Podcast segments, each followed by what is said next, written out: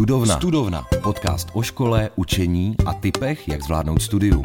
Studovna Anety Štokrové na rádiu Wave. Jak se učit na zkoušky a jaké metody jsou efektivní, to probereme s dnešním hostem, kterým je Honza Kohut. Ahoj, vítej po druhé. Krásný dobrý den, dámy a pánové, a děkuji za další pozvání.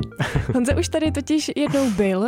V minulém díle studovny jsme se věnovali tématu soustředění, toho, jak se líp soustředit, také prokrastinaci a různým praktickým typům, jak ji překonat. A v tomhle díle probereme efektivní metody učení, kterými se Honzo dlouhodobě zabýváš. Tak pojďme na to, jaké jsou metody učení. Rozhodně není jenom jedna nějaká účinná metoda učení, ale tímhle tím úvodním typem si podle mě nezíská moc fanoušku, ale nechci si asi říkat fanoušky, jako spíše lidi edukovat o tom, co funguje a co nefunguje.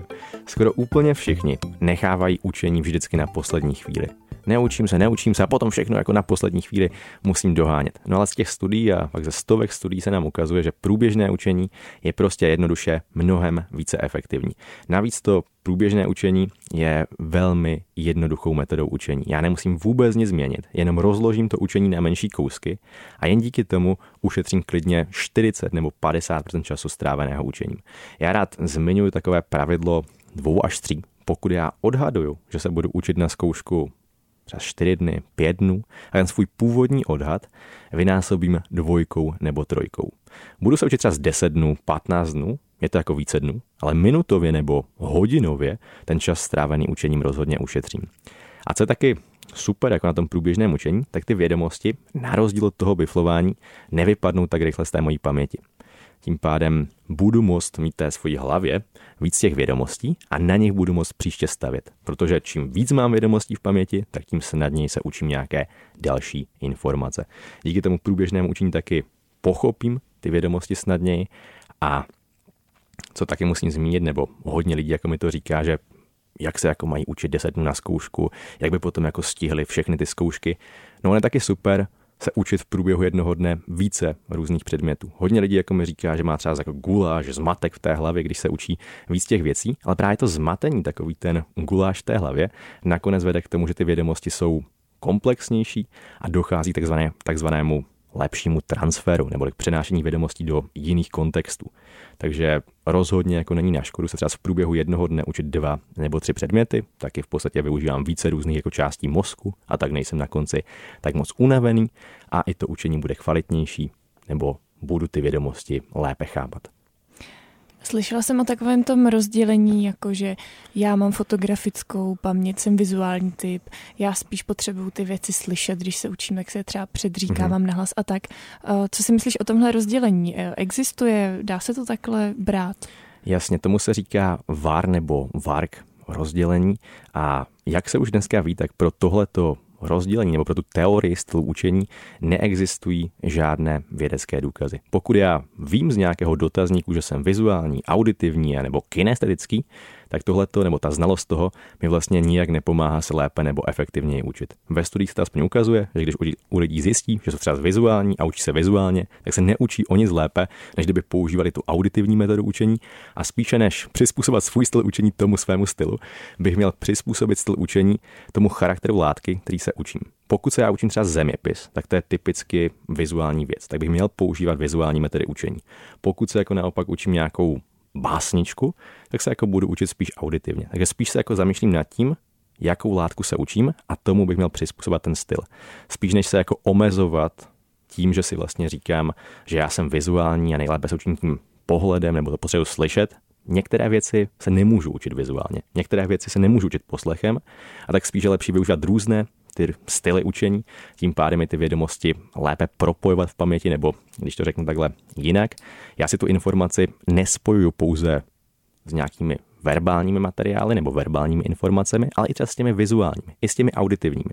S čím více stran na ty informace zautočím, tak tím lepší to bude, protože mě k té vzpomínce může dovést více různých cestiček. Ale abych to uzavřel, pro tu teorii stylu učení neexistují žádné vědecké důkazy. Třeba doporučuju studii Herolda Pašlera a kolektivu z roku 2008, kde o tom píšou a schrnují vlastně přes nějakých 100 studií, které se týkají těch stylů učení. Jak jsi ty přišel na to, co ti vyhovuje? Testováním a tím, že jsem o tom hodně četl, o těch metodách a technikách efektivního učení, takže je to, nebo já to říkám takhle. Ono nestačí o těch metodách a technikách efektivního učení jenom vědět. Stejně jako nestačí vědět, jak třeba jezdit na lyžích nebo já nevím, jak hrát nějaký basketbal, ale musím si to vyzkoušet. Nejprve v tom asi budu jako špatný, nepůjde mi to moc dobře, ale postupně si jako najdu nějakou tu svoji cestu a třeba se na těch lyžích naučím jezdit, anebo naučím se používat ty metody a techniky efektivního učení. Takže je to o tom zkoušet na sobě jako různé způsoby toho učení a objektivně to vyhodnocovat. Co je to objektivní vyhodnocování? No jsou to známky, které mám u zkoušky nebo hodiny, které strávím tím učením tou jednou technikou nebo nějakou jinou technikou. Jaké jsou ty efektivní metody? Tak další takovou velmi jako efektivní metodou učení, kterou existuje jako spousta důkazů v té vědecké literatuře, tak já tomu říkám aktivní učení, ale abych byl úplně exaktní, tak je to třeba retrieval practice anglicky nebo testing effect. A tam vlastně nejde o nic jiného, než o to, že dostávám vědomosti ze svojí dlouhodobé paměti. Třeba si přečtu nějakou kapitolu v knižce, pak si ji zakryju a říkám, co si z toho čtení pamatuju. Dostávám ty vědomosti z paměti. Ono je to těžké, je to náročné, ale právě to dostávání těch informací z paměti nakonec vede k tomu, že ty informace silněji v té mojí hlavě uvíznou. On to opravdu není jenom způsob, jak si otestovat, zda něco umím a nebo neumím, ale fakt je to způsob, který vede k tomu silnému zapsání těch vědomostí do paměti, k jejich, k jejich lepšímu pochopení a taky k jejich lepšímu organizování v naší hlavě. A zároveň máme takzvanou lepší metakognici, což je takové slovo, které znamená, že dokážu lépe hodnotit ty svoje znalosti. Pokud používám neúčinné metody, jako je třeba opakované čtení, zvýrazňování, tak mám mnohdy velmi jako vysoké sebevědomí, ale ta realita je úplně jiná. Ty moje výsledky jsou mnohem horší. Ale u té metody aktivního učení nebo vybavování, dostávání těch vědomostí z paměti, já přesně vlastně vím, jak dobře nebo špatně ty informace umím a na co se mám příště při tom studiu zaměřit. Zmínil si třeba to opakování nebo zvýrazňování. Co je na tom špatně?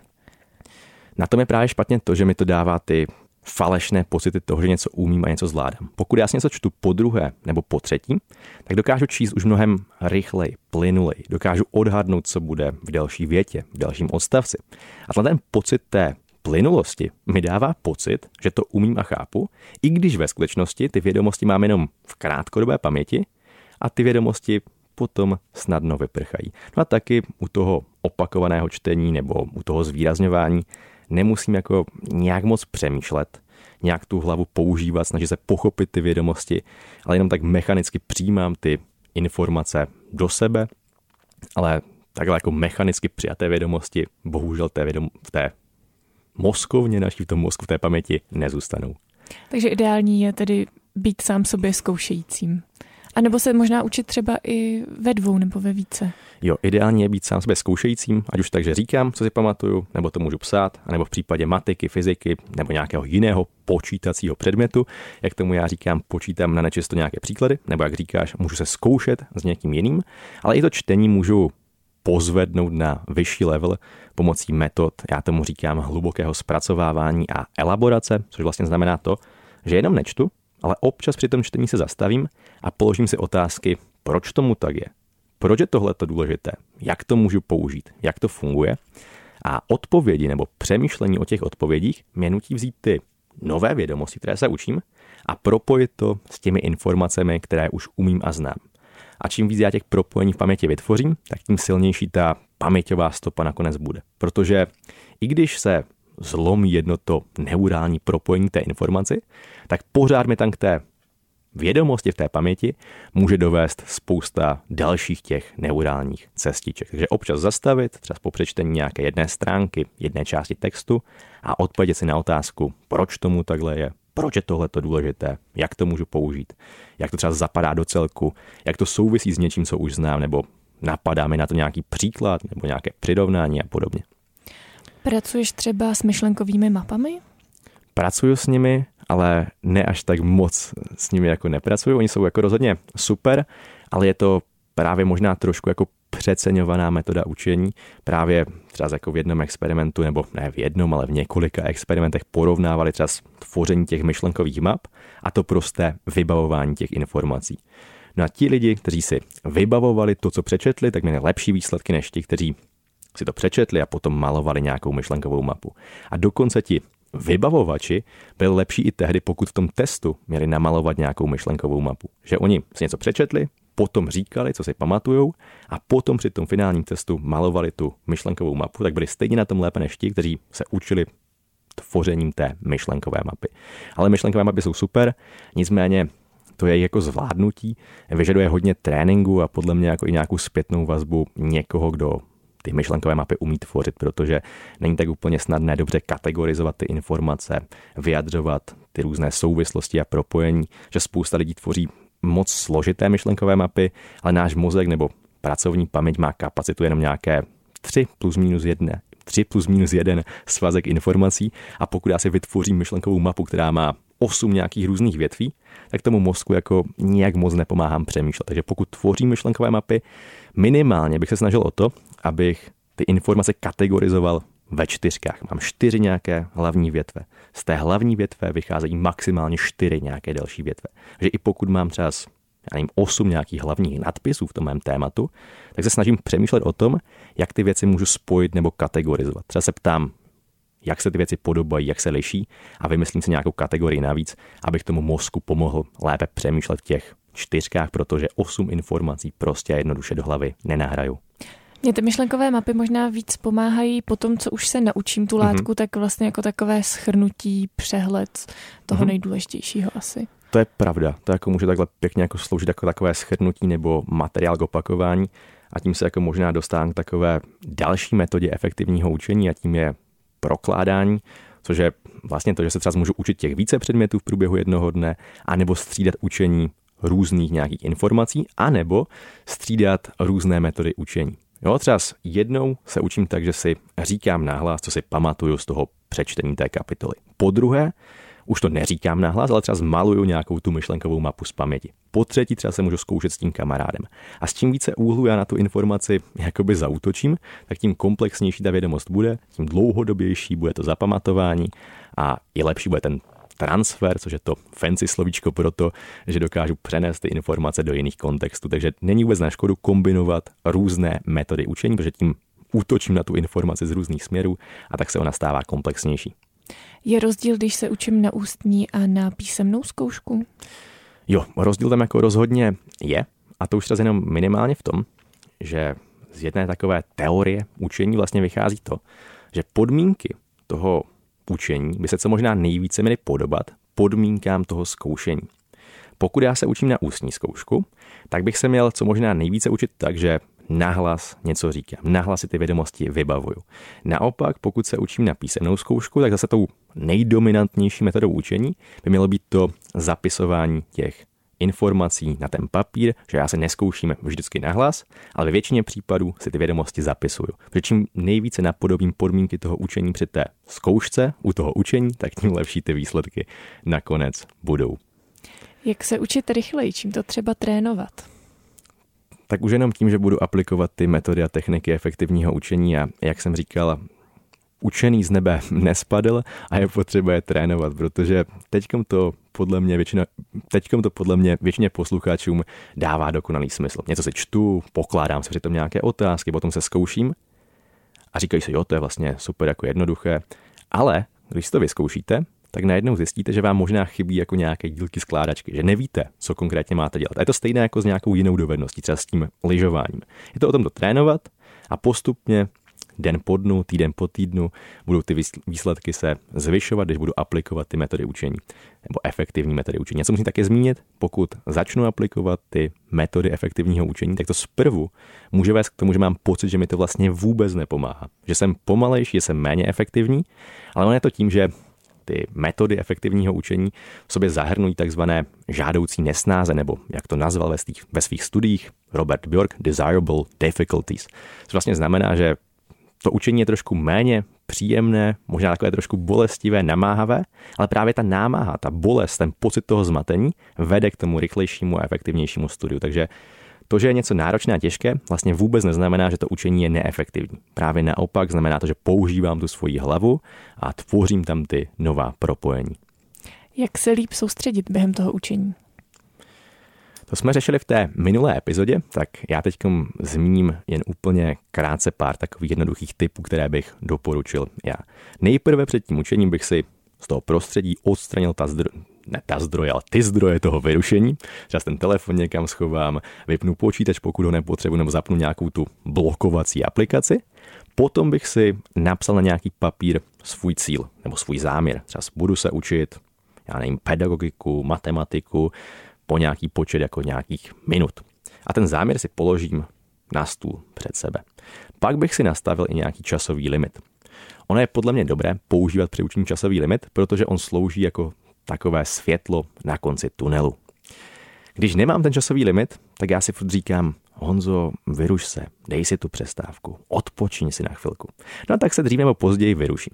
Ale pokud vím, že mi zbývá dokonce 15 minut, 20 minut, tak si můžu říct, OK, vyruším se, ale vyruším se až za těch 15 nebo 20 minut. A mám jakoby tu jasnou motivaci, kdy vlastně se vyrušit můžu a to mě udrží u toho učení. No a pokud se chci v průběhu toho učení vyrušit, tak je fajn se kouknout na ten svůj záměr, připomenout si ho a neříkám, že vždycky, ale mnohdy vám to pomůže se nevyrušit a opravdu vydržet.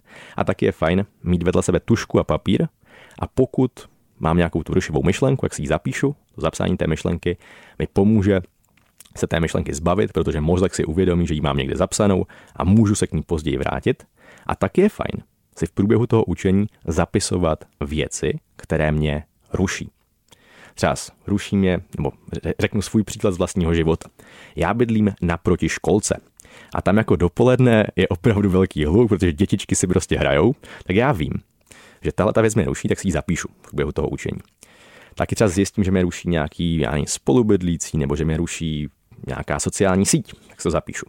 A na konci toho učení vymýšlím taktiku, jak můžu pro příště předejít těmhle těm zdrojům toho vyrušení. Takže pokud vím, že mě ruší nějaká školka, tak před tím učením nebo nějakou důležitou prací si zavřu okno a nasadím si nějaká sluchátka, aby mě nemohly tyhle ty zvuky rušit. Pokud vím, že mě ruší nějaký spolubydlící, tak si třeba vymyslím nebo vyrobím nějakou vysečku na dveře, která říká nerušit, teď se učím nebo upozorním své kamarády na to, že potřebuju půl hodinky klidu.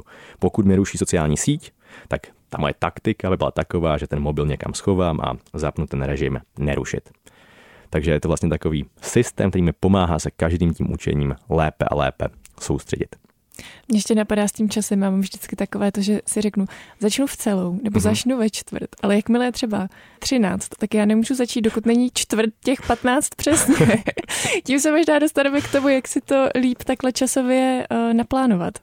Podle mě v dnešní době, když máme v rukou pořád telefony a jsme připraveni kdykoliv navštívit sociální sítě, bychom měli být vůbec rádi za to, že se k tomu učení někdy přinutíme.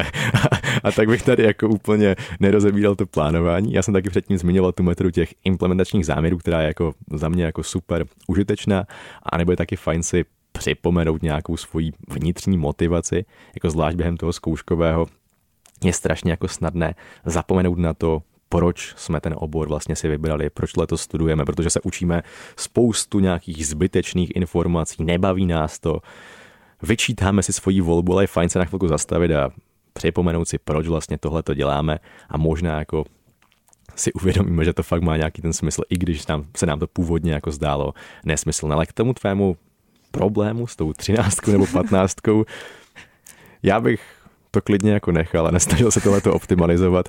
Aspoň jako fakt víš, že třeba máš těch 13 a potom začneš jako těch 20 nebo 15, tak aspoň někdy začneš. Spousta těch lidí se nemusí takhle jako vůbec namotivovat a nechat to jako přejít do dalšího dne. Často po nás učitele chtějí hodně memorování. Je to podle mě typické mm-hmm. i třeba pro střední základní školy. Možná i pro ty vysoké, ale jak si s tímhletím poradit?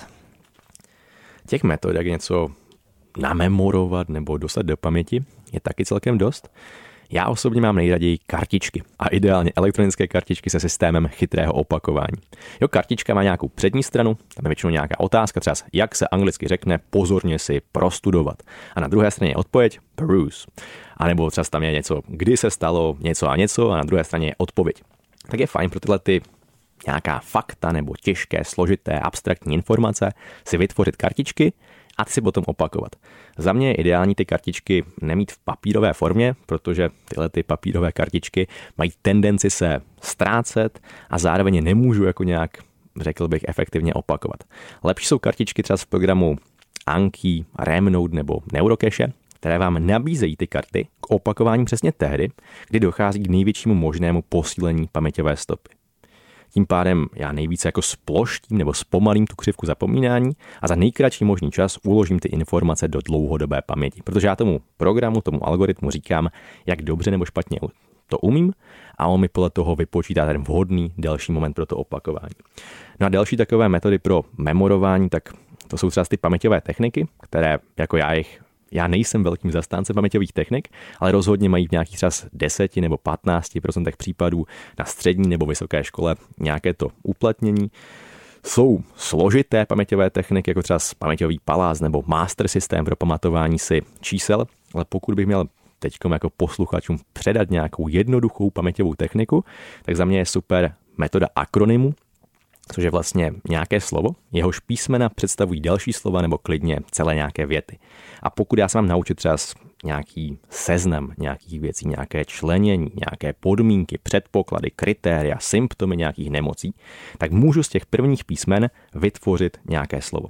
Třeba já jsem si na střední škole vytvořil akronym Lord P. Mě to připomínalo postavu Lorda Voldemorta z Harryho Pottera a každé to písmenko toho Lorda P představoval jeden nástroj české Národní banky. L jako lombardní sazba, O jako operace na volném trhu, R jako repo sazba, D jako diskontní sazba a P jako povinné minimální rezervy.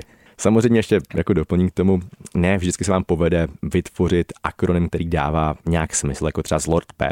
Ale i když ten akronym nedává smysl, jako třeba z nějaký, já nevím, VHAST nebo SHTB, tak stejně je díky tomu snaží se tu informaci zapamatovat, protože si nemusí pamatovat pět slov nebo sedm slov, ale jenom jedno slovo a ta jednotlivá písmena slouží jako takový paměťový háček, který mi dovede ke vzpomenutí si na ty další konkrétnější informace, nebo spíše jako aktivuju to vzpomínání na správných místech v paměti a pak s větší pravděpodobností tu konkrétní informaci najdu. Říkal jsi, že jim úplně nefandíš. Proč? Protože podle mě nenacházejí tak velké uplatnění při tom studiu na vysoké škole nebo střední škole. Prostě nemůžu nějaké jako materiály nahodit třeba jako do nějakého paměťového paláce, ale lepší je použít tu metodu vybavování. Taky nejsem toho fanouškem z toho důvodu, že oni vyžadují poměrně dost toho tréninku. Já bych byl dobrý v používání paměťové techniky, musím fakt několik desítek, klidně i stovek hodin trénovat, aby mi to jako mohlo reálně pomoct, ale to vybavování můžu začít používat teďkom a hned to bude mít pozitivní efekty. Taky se jako ukazuje právě z těch studií, že paměťové techniky mají mnohdy krátkodobé efekty a třeba při učení nějakých jazyků to je jako nepraktické v tom, že já musím nejprve vytvořit nějakou tu paměťovou pomůcku a potom to slovo rozklíčovat, ale mnohdy to jako rozklíčuju špatně, tu svoji představu a taky trvá jako klidně 5-10 sekund, než si vzpomenu a v průběhu jako nějaké konverzace to není tak úplně jak bych to jako řekl, praktické jako 15 sekund vzpomínat na to, co vlastně ta nějaká moje představa znamenala. A pak bych jako možná ještě řekl, že mnoho různých paměťových trenérů říká, že díky paměťovým technikám si můžeme trénovat paměť, ale to je taky jako upřímně trošku blbost nebo jako špatná informace. Ukazuje se nám ze studií, že třeba z hraní nějakých paměťových her na telefonu nebo hraní nějakých her, které mají trénovat naše soustředění, zlepšuje naši paměť, soustředění a kdo ví co ještě, ale ukazuje se, že tomu tak není a já se jenom zlepšuju v té hře. Já jenom zlepšuju svoje skóre v té dané hře ale nezlepšuju svoji nějakou obecnou schopnost pamatování. A stejně to je s těmi paměťovými technikami. Já se zlepším v používání paměťové techniky, třeba zapamatuju si více slov nebo zapamatuju si nějaký svůj nákupní seznam rychleji než třeba před měsícem, ale nepomůže mi to se lépe učit na zkoušku. Jako nijak nevytrénuju nějaký svůj sval paměti, protože v mozku neexistuje žádný sval paměti, ale spíše tisíce miliony různých svalů a já tím vytrénuju jenom ten jeden dílčí sval na tu danou techniku, ale nevytrénuju nějakou svoji generální schopnost pamatování si. Tak už jsme se naučili, co jsme se naučili. Blíží se čas zkoušky. Mm. Jak třeba pracuješ s nervozitou, s nějakým stresem? Já jsem naštěstí jako až tak moc ve stresu nebyl, protože jsem byl často připraven velmi dobře a tohle to mě uklidnilo. Ale co třeba studentům mnohdy jako doporučuji, jsou buď dechová cvičení, anebo vypisování svých obav na papír. Taky jako z jedné takové zajímavé studie na Chicagské univerzitě se ukázalo to, že studenti, kteří večer před zkouškou napsali na papír to, z čeho mají strach, jo, vypsali nějaké své obavy, prostě dostali ze své paměti, potom další den podali mnohem lepší výkon. A já mám taky rád techniku přerámování stresu, nebo jo, asi přerámování to můžeme nazvat. A vlastně nejde o nic jiného než o to, že bychom si neměli říkat to, že jsme klidní, jsme v klidu, jsem v pohodě, nebo buď v pohodě, buď v pohodě. Tohle to nefunguje moc dobře. Lepší je si říct, jsem vzrušený, jsem nadšený, nebo buď vzrušený, buď nadšený. Proč tomu tak je? Pokud já jsem ve stresu, tak ten stav je fyziologicky spojený s tím, že mám napětí ve spalech, že jsem takový plný jako očekávání a napětí. No a ten, ten klid je úplně něco jiného. Mám uvolněné svaly, pomalu dýchám, mám zpomalenou tepovou frekvenci. Tak já pokud mozku říkám buď klidný, buď klidný, a přitom jsem ve stresu, tak jsem vlastně ještě více ve stresu, protože mozku přímo do očí lžu. A to on samozřejmě nemá rád. Ale pokud já si řeknu, jsem vzrušený, jsem vzrušený nebo jsem nadšený, tak emoce vzrušení nebo nadšení se fyziologicky hodně podobá tomu stresu. Taky mám napětí ve svalech, taky mám zrychlené dýchání, taky mám rychlejší tepovou frekvenci, jenže je to pozitivní emoce a to mi potom pomůže podat lepší výkon. No a taky ještě bych doporučil jednu tu dechovou techniku. Tu mám právě od toho neurovědce Andrewa Hubermana, kterou jsem, kterého jsem zmiňoval v tom předchozím díle. A on se tomu říká, nevím, jestli to jako přeložím dobře, fyziologické povzdechnutí si. A funguje to nějak takhle. Já se na dvakrát nadechnu nosem a pak velmi pomalu vydechuju. A tohle to opakuju dvakrát nebo třikrát. Takže